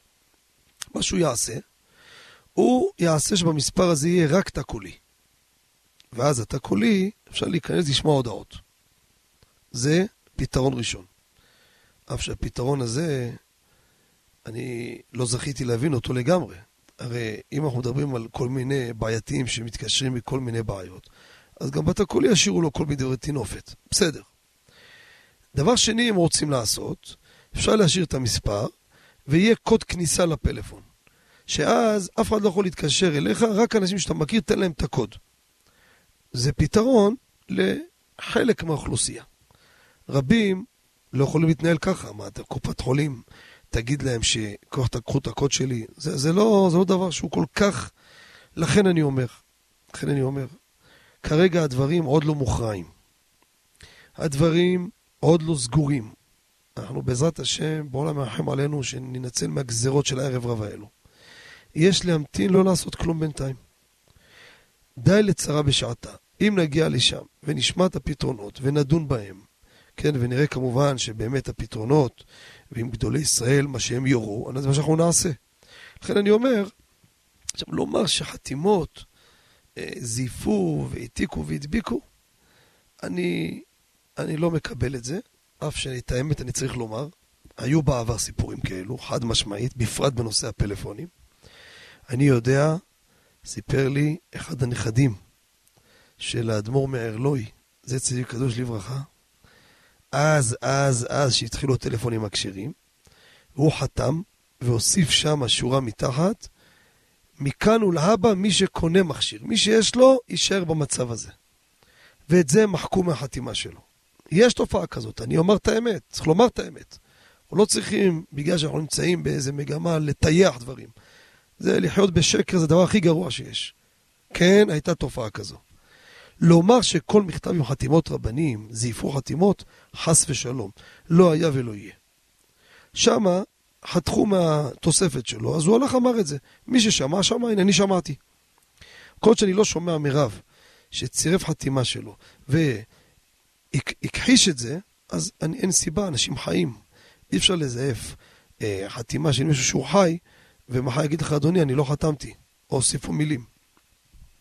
לכן, זה סתם יצר הרע וסתם הקנטה, ואני יודע מאיפה זה בא, כי היו מקרים כאלו, אני לא אומר שלא, אבל זה לא הופך ש-99% מהמקרים שזה לא קרה, שכל דבר שיצא נטיל ספק. זה לא. אם גדולי ישראל יורו, אני מדגיש, גדולי ישראל, לא כל מכתב שיצא ולא כל עסקנים שיהיו ולא כל אחד שזה, גדולי ישראל אנחנו יודעים מי המנהיגים של כל הסקטורים, שהם ייתנו חתימה, על פיהם יישק כל דבר. זה יישר כוח, ויפה מאוד על השאלה המעשית, שזה הנושא החם שרבים נמצאים בו. שבת שלום ומבורך. נעבור למאזין הבא. שלום, שלום כבוד הרב, ותודה רבה על התוכנית. תודה אני. עובד ברחבי הארץ, ברוך השם, אני מתחזק מכם המון, אני שומע אתכם כל היום. אה, תודה רבה. ברוך השם, שולחים לי כל הזמן אה, חיזוקים תודה רבה. ותהלכות. ורציתי לשאול, הרב, יש לי שני שאלות. אחת בדיני ממונות והשנייה בעניין בישול גויים, מקרה שקרה לי. אה, שאלה ראשונה, הייתי באיזה מקום, מקום ש... מקום שמוכרים שם בשר אה, בדרום של אה, המבורגר. אה, הגעתי למקום, היה שם השגחת אה, בד"ץ, נכנסתי למקום, אני רואה שני עובדים גויים. ראיתי אחד בדלפק ואחד במטבח. עכשיו אני מחפש בעיניים, אולי יש שם איזה יהודי, מישהו משגיח עליהם, ואני רואה שאין אין אף יהודי, ומשום מה גם התעודת כשרות לא נמצאת במקום. אז רגע, אם אין תעודה, אז איך אתה יודע שזה בד"ץ? כי רשום בגדול בחוץ, יש שלט של בד"ץ, אני לא רוצה להגיד, אני לא רוצה רשום. להגיד את השם של הבד"ץ הזה, לא, זה לא משנה כתוב, גם אם תגיד. אם אין תעודה, אז הם סתם רשמו. אני גם עכשיו הולך מוכר עכשיו מה שאני כותב בד"ץ. מי אמר? אם אין לי תעודה, אז סתם שקרן בעל העסק. כאילו זה לא מפריע שתגיד איזה בד"ץ. איפה הרשלנות של כן. הבד"ץ פה? נכון, אבל uh, בדרך כלל במקומות שזה זה גם uh, רשת שהיא פרוסה בכל רחבי הארץ, ש, שידוע שם ש, שיש להם, בהרבה מקומות שיש להם את, אותה, את אותה השגחה של הבד"ץ הזאת. אני אגיד לכבודו ו- משהו. יכול להיות שיש להם את הכשרות בכמעט כל הסניפים. מספיק שסניף אחד הייתה רשלנות, הייתה בעיה, ואותו בד"ץ הוציא את התעודה, אז באותו סניף אין כשרות. איזה בד"ץ זה היה? אפשר להגיד הרב? תגיד, מה הבעיה? לא הבנתי. כן, זה היה בד"ץ בית יוסף. וכשהגעתי לשם, מצוין. אמרתי לה, אחרי ש... הפוך, הפוך, אני רואה פה שבח של בד"ץ בית יוסף. אם אני בא למקום, יש שלט בחוץ. תראה, הם לא יכולים לרדוף אחרי אנשים כל היום ותביעות משפטיות תוציא את השלט מלמעלה. אז הרבנות המקומית מפרסמים מה שאפשר, כמה אתה יכול לפרסם. אבל אם אין תעודה במקום, שזה הוא לא יכול לשים תעודה, זה, יכול, זה פלילי. הבד"ץ לקחו לו את התעודה, כי הוא נמצא שקרן. זה לא שאלה של בישולי גויים, יש פה בעיה שיכול להיות נבלות וטרפות בכלל. כבודו הגיע לבישולי גויים, אני כבר חשבתי איך לענות לכבודו אם אין יהודי שם, בעלים יהודים, ויש כולה של מרן הר עובדיה, שאם יהודי ידליק את האש. אבל כל זה שיש כשרות, אם אין תעודה, אסור כלום להיכנס שם בכלל. זה אם אין תעודה יכול להכניס נבלות וטרפות בקלות. בקלות יכול להכניס. פשוט. היה שם תעודת, תעודת הכשר מהדרין, והתעודת בד"ץ, באותו יום הבנתי מהמשגיח, אחרי שהתקשרתי וביררתי, שהוציאו לו את ההשגחה. באותו יום המשגיח ראה שיש שם שני גויים, מהר בא, שנייה. מבית- זה הבד"ץ. מה זה מהדרין? מהדרין באר שבע? מהדרין, אה, מהדרין של, אה, של נתיבות. הגאון הרב פנחס כהן. כן. בסדר, אז תשמע, אם זה מהדרין, קודם כל צריך לפנות לרב פנחס כהן. יש שם הרבה צוות מיוחד, הרב בגנים, אנשים מיוחדים שם. לא, שנייה, קודם כל גילינו פה, גם אם נתתם כשרות, אין פה שום יהודי על הבישול לגויים. אם זה מהדרין, צריך להיות בפשטות התקן, או יכול להיות שתקלה, יכול להיות שהמשגיח זה, יש דברים, יש פעמים טעויות. צריך לפנות אליהם. כי אתה אומר שכן יש תעודה. אז בית יוסף הורידו את התעודה, אבל יש לך את הרב פנחס כהן, שזה חשוב מאוד. אז צריך לפנות אליהם, להגיד להם, סליחה, כתבתם מהדרין. אתם נותנים כשרות שרק גויים עובדים שם, ומסתפקים בהדלקת האש, בהנחה שזה היה כך בבוקר, הדליקו את האש היהודי והלך? אם זה מהדרין, קשה לי להאמין שזה מה שיאמרו לך. ואם קרתה תקלה, אז הם הולכים ועושים בירור. אנחנו, אנחנו לא מלאכים, אנחנו בני אדם. הרבה פעמים יש תקלות. ולכן צריך להיות ערני, ואנשים לא צריכים לברוח ולהתעלם. להרים טלפונים, לנדנד, וזה עובד, אני אומר לכם בידיעה. גופי הכשרות מקבלים טלפונים, הם רואים שהציבור ערני, הם פונים, מבררים, בודקים, מעמידים את הטעויות של העובדים, וברוך השם ככה דברים מתייעלים. בסדר? אה, ועכשיו הרב הלכה למעשה אה, היה, היה מותר, כי היה שם הרבה חרדים ש, שישבו ואמרו חרדים. שדיברו עם המשגיח ואמר להם שהדליק את האש והלך. כאילו המשגיח של. המהדרין, לא של הבד"ץ. יפה, תראה, מרן הרב עובדיה בהליכות עולם, חלק ז' עמוד קי"ז, במקום צורך, הרב מביא מקל בזה. המחמיר תבוא עליו ברכה. כן, אם יהודי הדליק את האש, שמח כמו ערימה, שמספיק הדלקת האש. כן, לכתחילה, ברור שזה לא למהדרין. אותו סיפור באולם, אתה בא לאולם, הכל כשרויות מצוינות, רק השאלה של הבישול לגויים. מרן הרב עובדיה הקל בזה במקום צורך, כן. עכשיו, מה שחרדים נמצאים במקום ואוכלים, וואה, כמה דוגמאות ראינו, חרדים זה לא דוגמה ולא מודל ולא תעודת כשרות. כי כולם סמוך על סמוך. בסוף כשמגלים את הבעיה, אני פעם הייתי בכביש 6, באיזה אחד המקומות שקפה חזרו לנו ממירון. כולם שם זה, אני שואל לך, תגיד לי, מה זה, יש לו כשרות פה? הוא רומז לי על ההוא לפני, שתיים מילים כולם. עד שהגעתי לראשון, אני אומר לה, סליחה, יש לך תעודה, אומרת אנחנו עובדים בשבת. אז נתתי צעקה, רבותיי, הם פתוחים בשבת. כל אחד שמח על השני. אם הוא פה, אז כנראה טוב. זה לא שיטה, זה חוסר אחריות, זה לא רציני, אדם צריך להיות ערני ולבדוק בעצמו. אל תסמוך על שום בן אדם. זה בקצרה. יישר כוח לכבודו, שיהיה לכם שבת שלום וברוך. אנחנו מקווים לסיומה של התוכנית, נודה לצוות המסור והנפלא, ידינו ירום יצחק וזנה וכן לאלי בנדר, ופה בביתי נמצא יהודה חבא, השם ישמרו וחייהו. תודה רבה למאזינים הנכבדים. יום ראשון נשתמע בחידון ההלכה העולמי. אם עד אז לא נהיה במלחמת עולם, אז בעזרת השם אנחנו נמשיך מלחמתה של תורה. יום ראשון בשעה תשע, שיהיה לכולכם שבת שלום ומבורך. תודה על ההקשבה. תזכו לשנים רבות, נעימות וטובות, וחודש טוב ומבורך. שלום וכל טוב.